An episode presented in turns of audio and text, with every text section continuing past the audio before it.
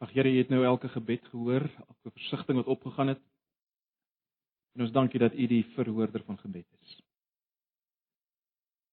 U wat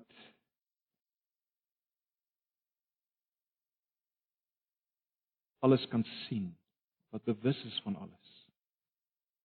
Wat ver beter kan antwoord as wat ons ooit kan antwoord. Dankie dat ons weet dat U hoor ons gebede en U beantwoord dit soos U woord ons leer. Dankie dat U ons volkome inskakel as U bondgenote in dit wat gebeur ook in hierdie wêreld. Ons dankie daarvoor. Ons dankie vir vir die wonder van gebed, die instrument wat U vir ons gegee het. Ons eer U daarvoor. nou Here wil ons vra dat U nou ons sal bemoedig en sal versterk en sal uitdaag met U woord. Ons vra dit in Jesus se naam. Amen. Goed, ons besig met 1 Petrus. Kom ons ehm uh, bly na 1 Petrus. Ons is steeds besig by hoofstuk 1. 1 Petrus hoofstuk 1.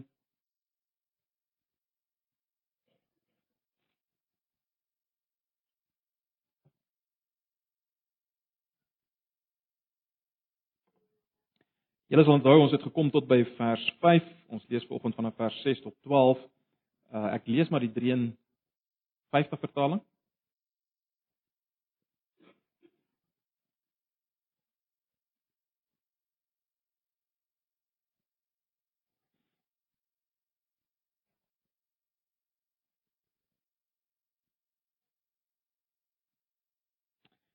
In Petrus 1 vanaf vers 6. Daarin verheug julle heel al word julle nou as dit nodig is 'n kort tydjie bedroef onder allerlei beproewinge. Sodat die beproefdheid van julle geloof wat baie kosbaarder is as goud wat vergaan maar deur vuur gelouter word, bevind mag word tot lof en eer en heerlikheid by die openbaring van Jesus Christus. Vir wie julle is nou Jesus Christus, vir wie julle al het julle hom nie gesien nie, tog liefhet, en wie julle al sien julle hom nou nie, tog glo en julle verbly met 'n onuitspreeklike en heerlike blydskap. en die einddoel van julle geloof, die saligheid van julle siele verkry. Aangaande hierdie saligheid het die profete wat geprofeteer het oor die genade wat vir julle bestem is, ondersoek en nagevors, en hulle het nagespeur watter of hoedanige tyd die gees van Christus wat in hulle was gewys het, toe hy vooruit getuig het van die lyde wat oor Christus sou kom en die heerlikheid daarna.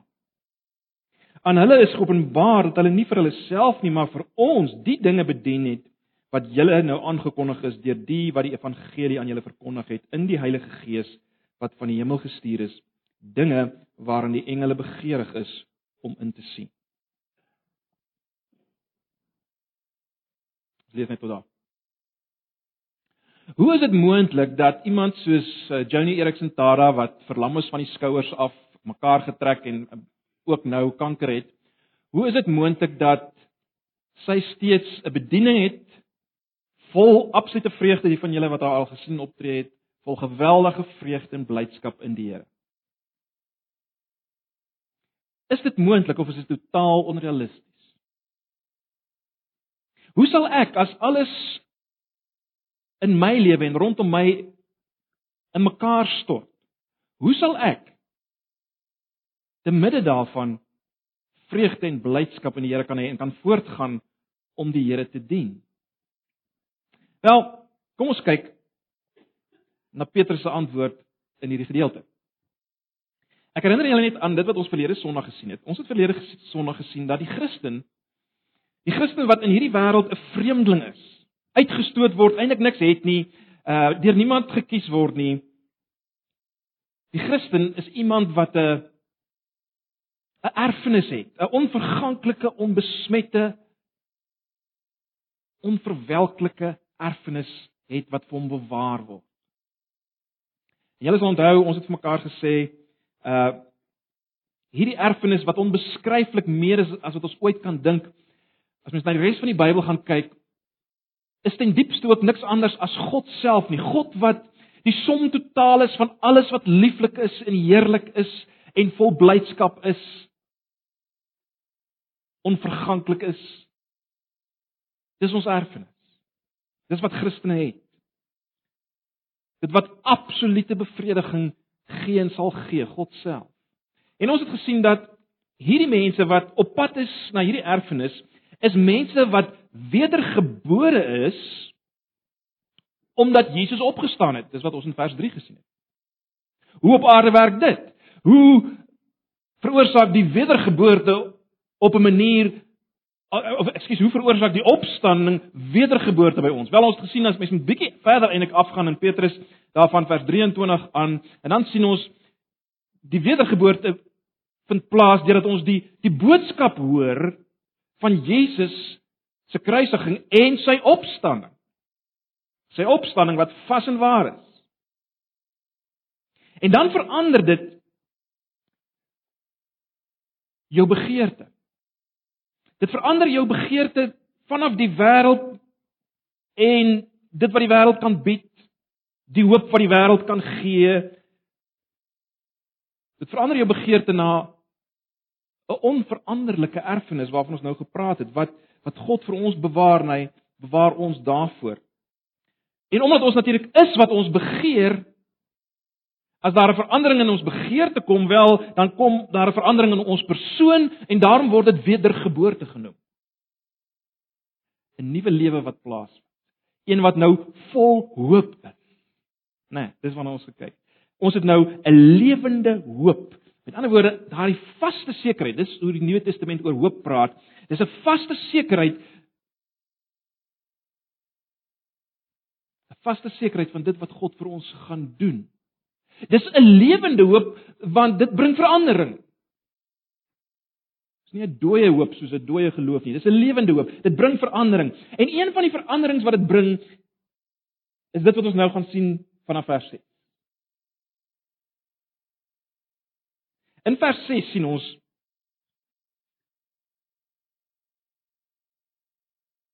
dat die eerste verandering wat in ons plaasvind is hierdie hierdie vreugde. Vreugde waarin? Wel kyk na vers 6. Vers 6 begin met daarin verheug julle julle. Nou natuurlik verwys dit terug na dit wat ons nou net gesien het. Uh in vers 3 tot 5. Die heerlike erfenis. Ons verheug ons nou daarin. Nou dat ons nuut gebore is. Die sentrum van ons begeertes verander het. Verheug ons ons daarin. Baie interessant net so terloops, mense sou ook die Grieks uh kon vertaal met in wie julle julle verheug. En en dit bevestig natuurlik dit bevestig wat ons gesien het. Hierdie hierdie erfenis is is meer as net dinge waarin ons ons hoop het. Dis die Here self en Jesus self. Dis nie net die seëninge wat hy vir ons kan gee nie.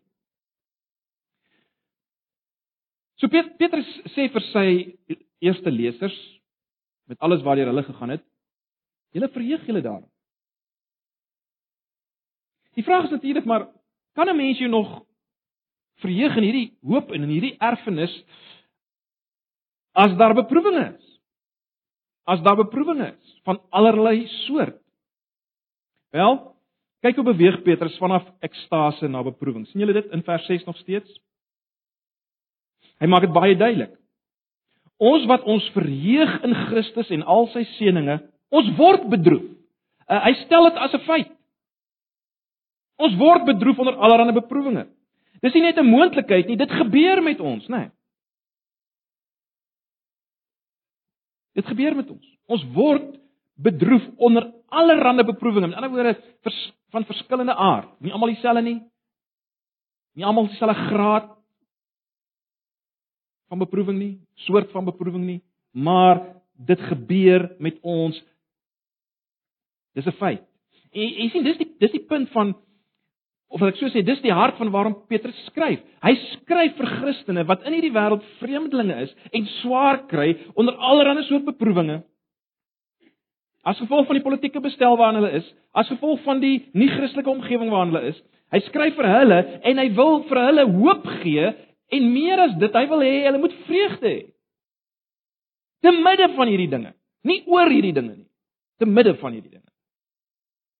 En dis hoekom hy nou gaan en hy hy gee as te ware vier redes waarom ons as gelowiges wat vreemdelinge is in hierdie wêreld, waarom ons nie net swaar kry kan verdra nie, maar ons kan verbly te midde daarvan. Hy gee vier redes hoekom hoekom kan ons dit doen?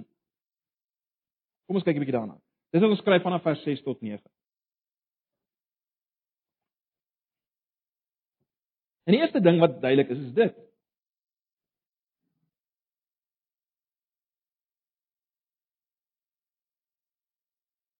Petrus wil wys of Petrus wys dat ons hoop wat ons het en dit wat vir ons wag is baie meer en strek baie verder as ons beproewing. Of as jy wil, dit gaan baie langer bly as ons beproewing. Hoe sien ons dit? Wel, julle sal sien in vers uh in die, in die eerste vers vers 6 praat hy van 'n kort tydjie, 'n kort tydjie of 'n klein tydjie. So die beproewing is 'n kort tydjie.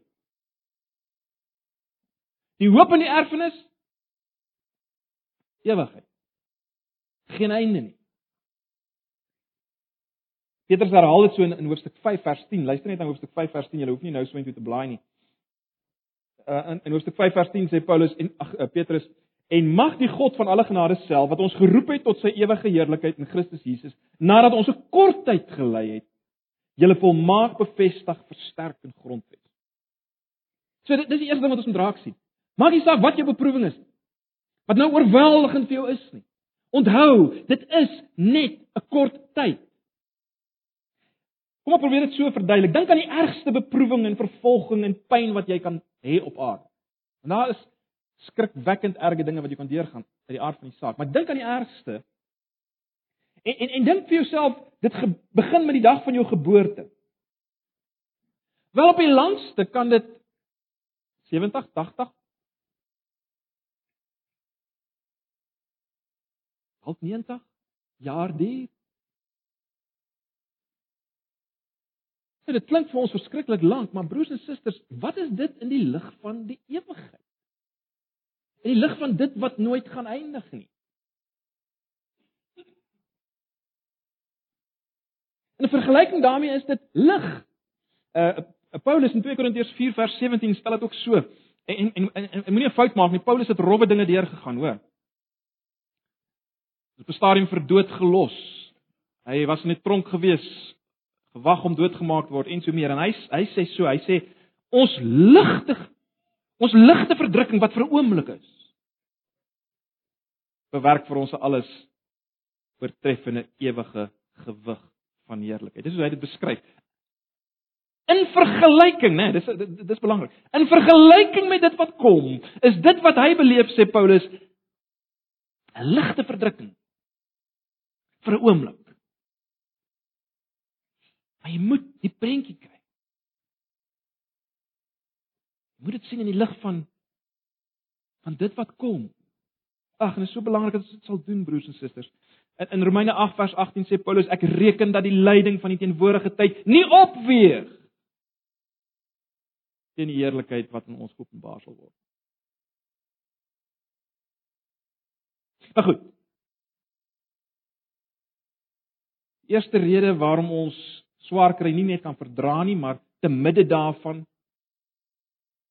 blydskap kan beleef is dis kort in vergelyking met wat kom. 'n Tweede rede is dit. Ons hoop word juis versterk of dit dit word in 'n sekere sin meer seker en vas juis deur die beproewinge wat ons deurgaan. Nou hoe op aarde werk dit? Wat bedoel ek daarmee? Wel, julle sal onthou, ons het verlede Sondag gesien Petrus sê dat God bewaar ons erfenis vir ons, maar God bewaar ook ons vir die erfenis, maar hoe doen hy dit? Petrus sê deur die geloof. Die geloof is daai tou waarmee ons vas is daaraan as te ware. Dis die instrument waardeur God hierdie dinge vir ons bewaar. So, om dit so te stel, hierdie geloof moet hou deur ons hele pelgrimstog hier op aarde. Moet hierdie geloof hou. En as ons geloof wil hou, dink nou maar aan 'n tou wat moet sterk wees. As ons geloof wil hou, moet dit getoets word en sterker word. Of om die beeld te gebruik wat Paulus uh, uh, Petrus hier gebruik, dit moet gereinig word onder spanning uh, of gereinig word en onder spanning getoets word en hy gebruik die beeld van geloof ag uh, ekskuus van van goud soos goud moet dit deur die deur 'n vuur oond gaan ons geloof En wat is die punt daarvan? Die punt daarvan is dit. Beproewings van allerlei aard, maak nie saak wat is dit nie. Allerlei aard. Hierdie beproewings behoort ons nie te verras nie. Of kom ek stel dit anders? Dit behoort nie te maak dat ons twyfel aan God se getrouheid nie. Hoekom? Want ons weet dit word gebruik om ons geloof sterk te maak. En daarom moet ons eintlik bly wees, uh want want want is God wat uit genade uit help om hierdie ding wat hy as instrument ingestel het om ons erfenis te bewaar, hy help ons om dit sterker te kry.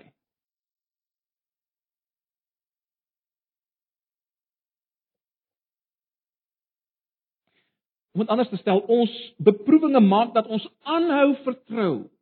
Aanhou God op sy woord neem, dis geloof, né? Nee. Beproewinge maak dat ons aanhou om dit te doen. Hoekom? Want dit brand al ons ander omdat ek so stel, dit brand ons vertroue op onsself en enigiets anders brand dit weg. Dis die onsuiverhede wat weggebrand word. Al daai vertroue op ander dinge. Beproewinge. Dit is nou maar net so, né? Beproewinge brand al daai vashou aan ander dinge wat uh, waar waarop ons ons hoop vestig, dit brand dit weg. En dit maak ons dit maak dat ons aanhou net vashou aan wat God beloof het en dis geloof. Dis geloof. Dis geloof. Ah broers en susters, dit is so belangrik dat ons dit vanoggend sal hoor. Die vuur van beproewing en vervolging van allerlei aard sal nie jou geloof as ware kind van God tot as verbrand nie. En as ek dit sê, sê ek nie. En julle moet my mooi hoor. Ek sê nie daardeur dat ons as Christene nie platgeslaan word deur beproewinge nie.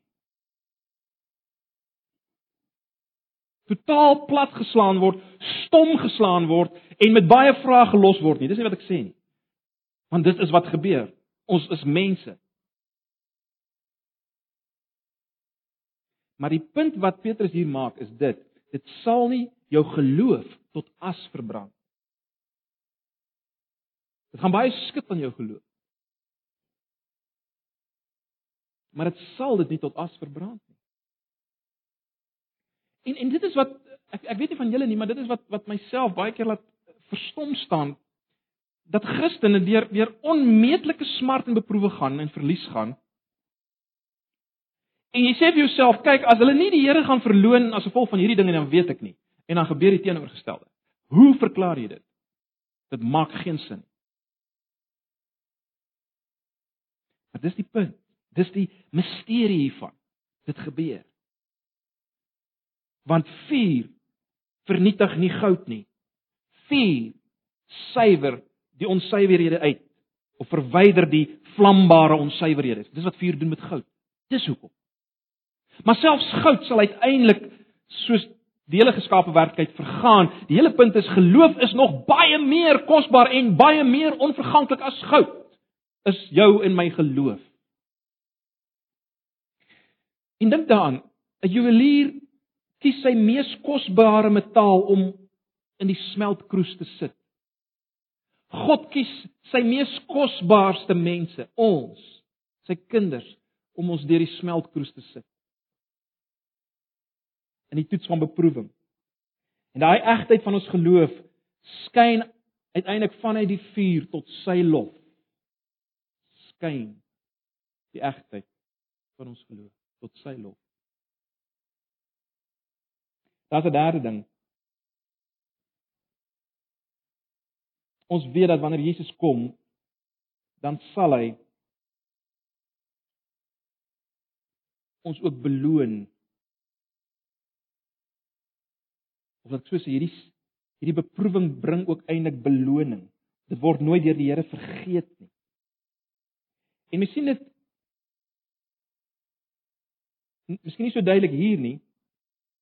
Maar jy sien dit ook in die in die, die res van Petrus baie duidelik. Petrus praat byvoorbeeld in 1 Petrus 5 vers 4 van die kroon van heerlikheid wat ons sal ontvang as Jesus kom. Ons is verwys na 2 Korintiërs 4 vers 17 uh waar Paulus sê dat ons ons beproewing wat hy lig noem, bewerk vir ons 'n ewige gewig van heerlikheid. Ek kan amper sê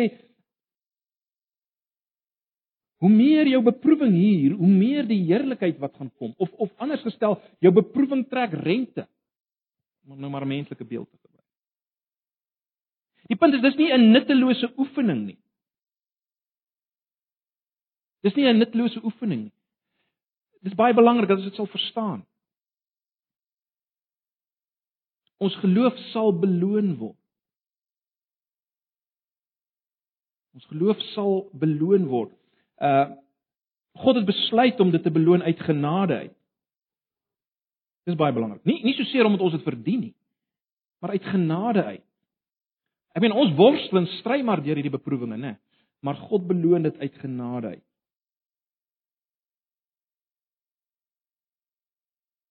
Want ons geloof word kosbaar. Uh al al beleef ons dit miskien nie so nie. Ons geloof word kosbaar en God weet dit. En uiteindelik veroorsaak daardie kosbare geloof dat ons en hy lof en eer en heerlikheid ontvang. Ek sê ons en hy normaalweg weet ons dat lof en eer en heerlikheid word aan God toegeskryf. Uh, Daar's baie gedeeltes wat daarna verwys. En Petrus bevestig dit in hoofstuk 4 vers 11 dat uh, die heerlikheid van God is die finale doelwit van alles wat ons doen. Uh ons is byvoorbeeld in in in hoofstuk uh, later in 1 Petrus 2 wys ons is 'n koninklike priesterdom om sy heerlikheid te wys. In hoofstuk 4 vers 13 sê Petrus ons uh, uh, uh, uh, Jesus sal openbaar sal openbaar word in heerlikheid. Maar baie belangrik en dis belangrik dat ons dit raak sien. Ons sal deel in die heerlikheid van Jesus en sal 'n onverwelklike kroon van heerlikheid ontvang. Ons sal deel daarin. Met ander woorde, ons sal eer en lof en heerlikheid ontvang as genade saam met Christus en dit alles is weer vir God. En uiteindelik sal die hele kosmos en alle owerhede en magte en en wie ook al hom bewonder vir dit wat hy in ons gewerk het. Maar en dis belangrik vir vir nou. Ons gaan deel daarin. En dit behoort ons te dra, te help dra deur beproewing. Ons gaan deel daarin. Dis hoekom ons ook blydskap kan hê.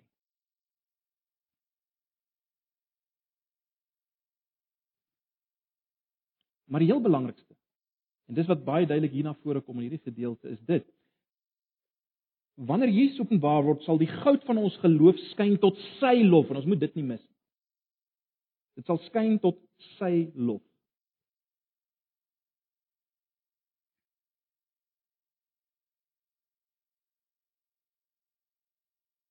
Petrus, weet ons het die het iets van die heerlikheid van Jesus gesien op die berg van verheerliking. Uh julle sal onthou ons het in Markus daarna gekyk. Hy het iets daarvan gesien. Hy het die belofte gehoor van van die feit dat Jesus gaan terugkom, soos hy weggegaan het met die wolke. Petrus het dit gehoor. Daardie dag wanneer God weer gaan as in Jesus geopenbaar gaan word en alles gaan nuut gemaak word. 'n skrikwekkende dag vir die wat hom nie ken nie, maar 'n ongelooflike, onbeskryflike dag vir die wat hom ken. Ongekende vreugde. En broers en susters, dit is die groot gebeurtenis waarvoor 'n Christen behoort te wag. Nie so seer dit wat ek gaan ontvang op daai dag van hom nie, maar die feit dat Jesus sigbaar gaan word, geopenbaar gaan word om die woord te gebruik wat die Bybel gebruik. In ander woorde, daai dag wanneer die hele kosmos sal weet dat ons suiwer goud geloof is net as gevolg van een persoon, Jesus Christus. Dis dis waarna ons uitsien. Sy lewe, sy sterwe, sy intree by die Vader vir my. Openbaring 4 vers 12 praat van of 4 vers 10 praat van krones wat ons sal ontvang. Ons sal krones ontvang. Maar dit is baie interessant. Ons sal daardie krones voor sy voete gooi. Want ons gaan weet dis nie as gevolg van ons nie. Dis as gevolg van hom.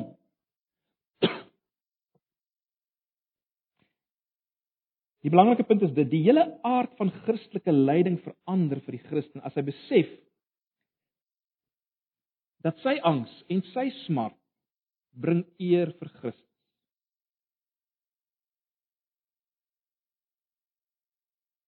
Nou dit dit dit maak geen sin vir 'n nie-Christen nie, maar julle sal weet Paulus sê vir my is die lewe Christus. En, en dis wat 'n Christen behoort te sê, vir my is die die lewe is Christus. Hy's alles. En daarom as ek as ek weet my lyding gaan veroorsaak dat hy beter gaan lyk uiteindelik, gaan vertoon voor alles en almal, wel, daar kan nie groter blydskap wees. Die goud van my geloof sal skyn tot sy lof.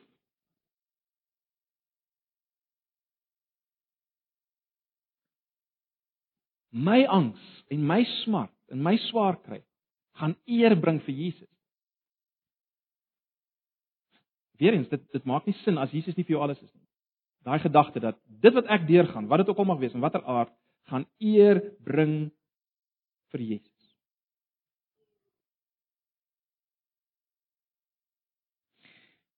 En dit bring ons by Petrus se beskrywing van die liefde wat sy lesers vir Christus het. Ons het nou gepraat van die feit dat jy as jy Jesus so liefhet dat hy vir jou alles is, dan dan is dit 'n wonderlike gedagte dat dat jou lyding en swaar kry eer aan hom gaan bring. En Petrus kom en hy hy besing die liefde van sy lesers vir Christus so. Hy sê vir wie julle al het julle hom nie gesien nie, tog liefhet, en wie julle al sien julle hom nou nie, tog julle verbly met 'n onuitspreeklike en heerlike blydskap. Vers 8, né? Nee. Vers 8. Ons het nou spesifiek gekyk na vers 7, die die lof en eer en heerlikheid by die openbaring van Jesus Christus. Nou vers 8 hierdie vreugde en blydskap van Petrus se lesers. Nou, uh, dink net vir oomblik aan Petrus, né? Nee, Petrus uh As mens dink oor sy liefde vir Jesus, hy kon prentjies oproep van Jesus. Uh, Jesus in Kapernaum, dink maar byvoorbeeld, Jesus in Kapernaum wat uh wat bedien word deur Petrus se skoonmoeder wat hy Jesus genees het van koors. Jesus op die see wat uh Petrus uit die water lig en hom sê klein gelowige, waarom is jy bang? Petrus kon daaraan dink. Jesus in die saal van die hoofpriester wat wat na Petrus kyk nadat Petrus hom verloon het. Jesus aan die kruis. Jesus weer lewend wat sit op die strand by die kole en en en en en vis eet en vir Petrus vra Simon seun van Jona, jy my waarlik lief? Petrus kon daai prentjies oproep want Petrus het Jesus gesien en Jesus liefgehad. Hy het Jesus gesien en Jesus liefgehad. En die vraag is nou wat van van hierdie heiden lesers van Petrus. Verbaas dit nie vir Petrus dat dat hierdie ouens wat Jesus nog nooit gesien het nie, dat hulle hom ook kan liefhê? En die antwoord is nee, Petrus het geweet, dis nie, let wel, dis nie sy fisiese bekendheid met Jesus wat hom verbind het aan Jesus nie. Dis die werking van die Gees. Jy sal sien die Heilige Gees ewe skielik in hierdie gedeelte kom die Heilige Gees 'n paar maal na vore. En Petrus het dit geleer, onthou julle in Handelinge, uh, mens dink aan Handelinge 15 uh, daarvan af vers 8 en so aan, het, het Petrus geleer dat die heidene het ook die Gees ontvang net soos hulle. En die Gees werk geloof in hierdie heidene en dis die belangrike ding. Deur geloof kan ons wat heidense Christene is wat nooit Jesus gesien het nie, nie een van ons het Jesus gesien nie. Petrus se eerste lesers het nie Jesus gesien nie. Moet dit nie vergeet nie. Maar deur die geloof kan ons wat nooit Jesus gesien het nie, deel in Petrus se liefde vir hom. Dis nie nodig om langs die see van Galilea te wees om vir Jesus uh lief te hê. Ons het die getuienis van Petrus en ander apostels omtrent Jesus wat hy gedoen het en wat hy gesê het. En hulle lewer getuienis. Hulle sê dit vir ons deur die Heilige Gees en die ongelooflike is dat ons kan deur daardie getuienis, as ons dit hoor en ons vat dit, ons glo dit, kan ons hom ken en lief hê. Ons het Jesus nie gesien nie. Ons sien Jesus nie nou nie, maar ons sal hom uiteindelik sien. Ons sal hom uiteindelik sien. Uh dis interessant Petrus daar in vers 8 kontrasteer die verlede en die teenwoordige tyd met die toekoms, né? Nee. As hy sê julle wat hom nou nie sien nie, dan impliseer hy wel julle gaan hom uiteindelik sien. Daar gaan 'n dag kom wat jy hom sien. Julle sien hom nie nou nie, maar julle gaan hom sien. Dan gaan ons die een sien op wie ons vertrou het en wie ons liefgehad het al het ons hom nie gesien deur die werking van die Heilige Gees. En let op wat sê Petrus ons verbly ons met 'n onuitspreeklike en heerlike blydskap nou. En let wel, dis te midde van beproewing. Nie oor die beproewing in sigself nie, maar te midde van daardie beproewing, in die middel daarvan. Verbly ons ons met 'n heerlike en onuitspreeklike blydskap. Hoekom? Want ons het Jesus lief.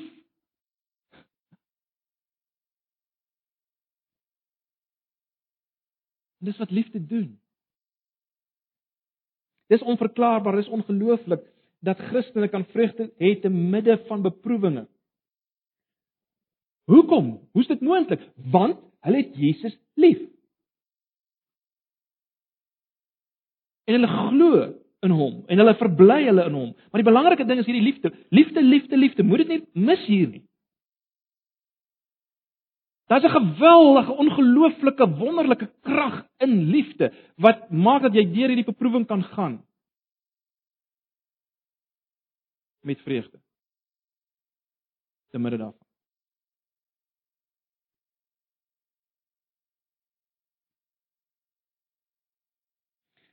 So dit is baie belangrik om raak te sien. Daar is nou al 'n vreugde, vreugde wat Petrus beskryf as as heerlik, as onuitspreeklik, Jy kan dit nie in woorde omsit nie, dis iets diep van binne af. Maar daar is so iets by al die geloof en die liefde is daar hierdie vreugde. Wat moontlik is. Wat moontlik is. Nou al, al wat nog wag is die einddoel soos Petrus dit beskryf, die einddoel van die saligheid van ons siele. Met ander woorde, wanneer alles, daai dag wanneer alles geheel en al sal nuut word, ons fisiese liggaam met al die gebrek en al die dinge wat verkeerd is, alles sal nuut gemaak word. Maar intussen tyd Intussen tyd, broers en susters, baie belangrik, leef ons nie maar net in 'n droomwêreld nie. Ons leef in 'n ander werklikheid, die werklikheid van Christus wat teenwoordig is by ons deur sy Gees, die een wat ons kan lief hê nou al deur die werking van die Gees. Dis 'n werklikheid nou al hier en nou. En dit bring ons by vers 10 tot 12. Wat Petrus nou doen is om om hulle nog motivering te gee en nog meer te bemoedig hierdie gelowiges vir die stryd waarin hulle self bevind in die beproewinge. Luister net weer na vers 10 tot 12. Petrus sê aangaande hierdie saligheid, hierdie finale heelmaak van alle dinge waarna toe julle op pad is. Aangaande hierdie saligheid het die profete wat geprofeteer het oor die genade wat vir julle bestem is, ondersoek en nagevors. En hulle het nagespeur op watter of hoedanige tyd die gees van Christus wat in hulle was gewys het toe hy vooruitgetuig het van die lyde wat oor Christus sou kom en die heerlikheid daarna. Aan hulle is geopenbaar dat hulle nie vir hulle self nie, maar vir ons die dinge bedien het wat julle nou aangekondig is deur die wat die evangelie aan julle verkondig het in die Heilige Gees wat van die hemel gestuur is. Dinge waarin die engele begeerig is om in te sien. Ek wil nie te diep in hierdie vers ingaan nie, maar die belangrike ding wat ons hier moet sien is die volgorde van ons verlossing of as ek so stel, die volgorde van ons lewe as Christene en die volgorde van Christus se verlossingslewe. Petrus sê die die profete het al daarvan gepraat. Die lyde van Christus en die heerlikheid daarna. Jy sien dis dis die dis die punt wat ons en Petrus se eerste lesers moet bemoedig. Kyk na Jesus. En ons het al baie daaroor gepraat. Hoe gaan ons die uiteindelike saligheid verkry? Gaan ons op ons ligmatrasse dryf totdat die uiteindelike saligheid gaan kom? Nee. Want dis nie hoe Jesus die uiteindelike saligheid bereik het nie. Eers lyding, dan heerlikheid. Het julle dit gesien? Dis waarvan die profete getuig het. Die lyding van Christus en die heerlikheid daarna. Julle sal weet Petrus het gesukkel met hierdie ding van lyding. Hy wou nie gehad het eh, Jesus moet na die kruis toe gaan nie. Jesus moes vir hom sê: "Satan, gaan weg agter my want jy bedink nie die dinge van God nie. As jy nie wil hê ek moet na die kruis toe gaan nie." Maar nou was Petrus op die punt waar hy dit verstaan het dat die lyding van Christus is van kardinale belang. Daar's geen heerlikheid sonder lyding nie. En en en en Petrus Die Petrus wat dit verstaan, verstaan het, skryf nou hier. Kyk, die Ou Testament is vol van die Messias was wat moes ly. Sekerlik die die die beste voorbeeld, julle ken dit Jesaja 53. Uh Die Ou Testament is vol van die Messias wat moet ly, maar 'n heerlikheid wat daarna gaan kom. Gaan lees die Ou Testament, jy kry dit oral in die profete. Natuurlik skryf die profete uh, om dit so te stel, uh met die gebruik van ou verbondstaal, né? Nee. Hulle sal skryf van Dawid wat weer op sy troon gaan sit en die tempel wat weer gaan herbou word. Maar dis maar 'n manier om te skryf oor hierdie selfde heerlikheid waarvan ons hier lees en waarvan die apostels praat. Hulle skryf nie van 'n fisiese herstel van die land en 'n fisiese herstel van die tempel. Nee. Hulle hulle het nie ander manier gehad om daaroor te praat nie. Hulle gebruik ou verbondstaal. Die punt van Petrus is luister, dis waaroor hulle geskryf het. As jy daai goed lees, Onthou, dis waaroor hulle geskryf het. Oor Jesus se lyding en die heerlikheid daarna, die heerlikheid waarna ek en jy wat nou volgende hier is op pad. Dis waaroor die profete geskryf het. Moenie moenie vaskyk in al hierdie dinge oor die tempel en die land en die dit is die heerlikheid waarna ons op pad. Maar waar dit sê dieselfde Jesus wat dit aan die apostels bekend gemaak het, hierdie heerlikheid wat kom, het dit aan die profete geopenbaar. Kom ek stel dit so, die gees wat die vuur in die gebeentes van die profete was was die gees van Christus. Dit was die gees van Christus. Die vuur in die gebeente van die profete was die gees van Christus. Dis hoe Petrus baie keer verwys ook na die Heilige Gees, net die gees van Christus. Kyk na vers 11. En hulle het nagespeur, dis die profete, op watter op hoe danige tyd die gees van Christus wat in hulle was gewys het. Moenie dit vergeet nie. Die gees in die profete was die gees van Christus. Dink bietjie daaraan. Ons lees byvoorbeeld in Amos 3 vers 8. Die leeu het gebrul, wie sal nie vrees nie? Die Here Here het gespreek, wie sal nie profeteer nie? Die leeu het gebrul, wie sal nie vrees nie? Die Here Here het gespreek, wie sal nie profeteer nie? Wie is die leeu? Wel, dis die leeu uit die stam van Juda. Die een wat die seels gaan oopbreek, Jesus van Openbaring 5. Dis die een wat gebulder het as jy wil deur die profete. Met ander woorde om dit bietjie anders te stel, ons alleen, dis wat Petrus probeer sê, kan die volle boodskap van die profete verstaan. Die eenvoudigste disipel van Jesus kan dit eintlik beter verstaan as die profete wat dit voorspel het. Watter boodskap kan ons beter verstaan? Die boodskap van die lyding van Jesus en die heerlikheid daarna. Die heerlikheid van die soos Petrus dit in Handelinge ook noem die die wederoprigting van alle dinge. In Handelinge 4 vers 31 sê Petrus dis waarvan die profete getuig het. Die wederoprigting van alle dinge. Alles gaan weer opgerig.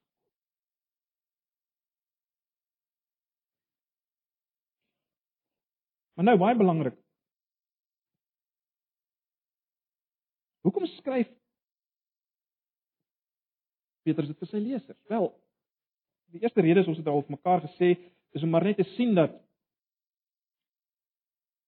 dat ons moet verwag dat daar eers lyding sal wees en dan heerlikheid. Ons moet dit nooit probeer omruil nie. Ons moenie dink ons gaan nou al uh heerlikheid hier hê nie. Daar daar da sal eers lyding wees.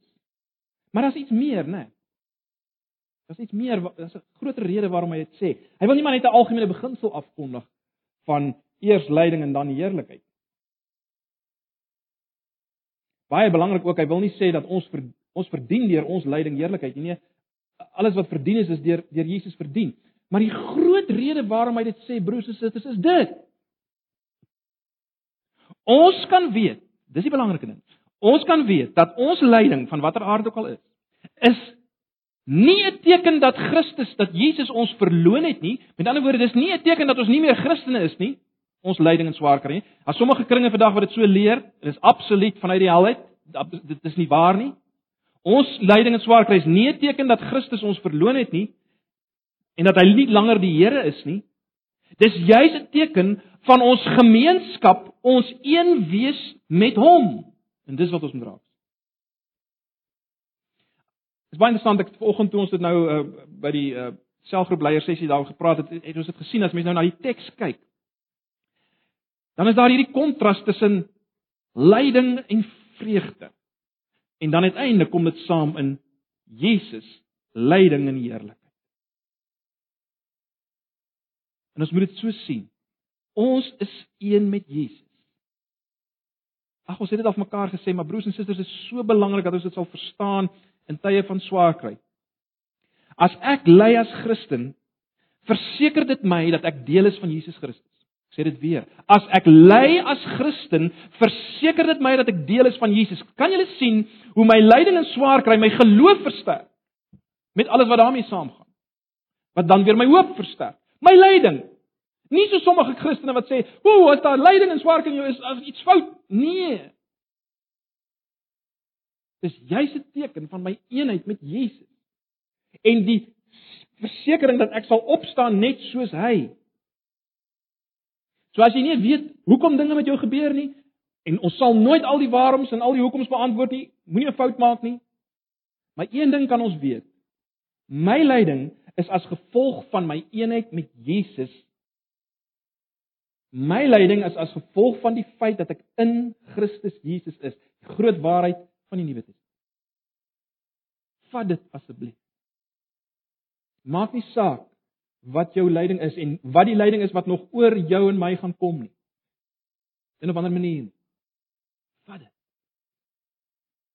Broers en susters, dis die kragtigste ding wat ons deurdra. Dis die dit is dit is die toppunt van Petrus se argument hier.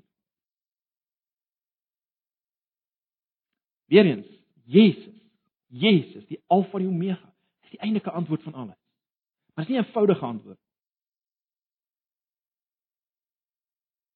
Maar dit is so belangrik. Dis die misterie van verlossing. Die misterie dat ons een is met hom in sy lyding en sy heerlikheid. Ag, gaan lees maar Paulus, gaan lees Romeine weer. Oral.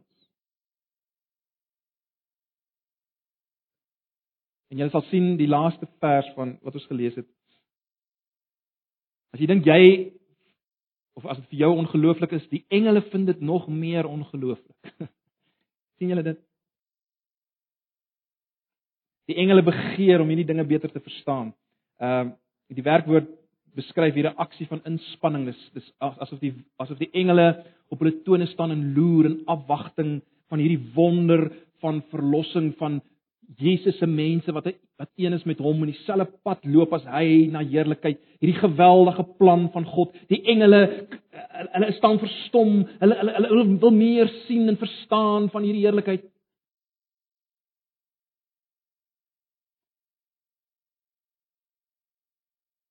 Maar belangrik dat ons vir Jesus sal sien, né? Nee. Buite hom, buite hom gebeur niks nie. Hy is alles. Hy's die eerste een. En ons is verbind aan hom.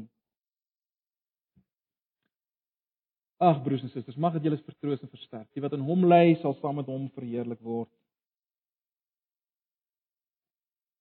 As jy dit bedink en daaroor mediteer en met Jesus daaroor praat, wel terug te gaan na wat ek begin het, dan begin jy verstaan waarom iemand soos Johnny Erickson Tada verlam van die skouers af, mekaar getrek met kanker. Met blydskap die Here kan dien. Dis 'n misterie, dis 'n wonder, maar dis 'n werklikheid. Mag die Here ons daardeur bemoedig en versterk. Kom ons bid saam.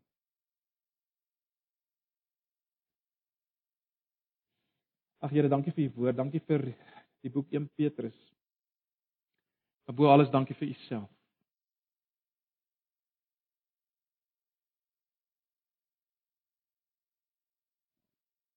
Ag, Here, ons weet nie regtig wat om vir U te sê as ons dink oor U en ons bepeins oor U die grootheid van die verlossing, U werk en dit waarheen ons op pad is.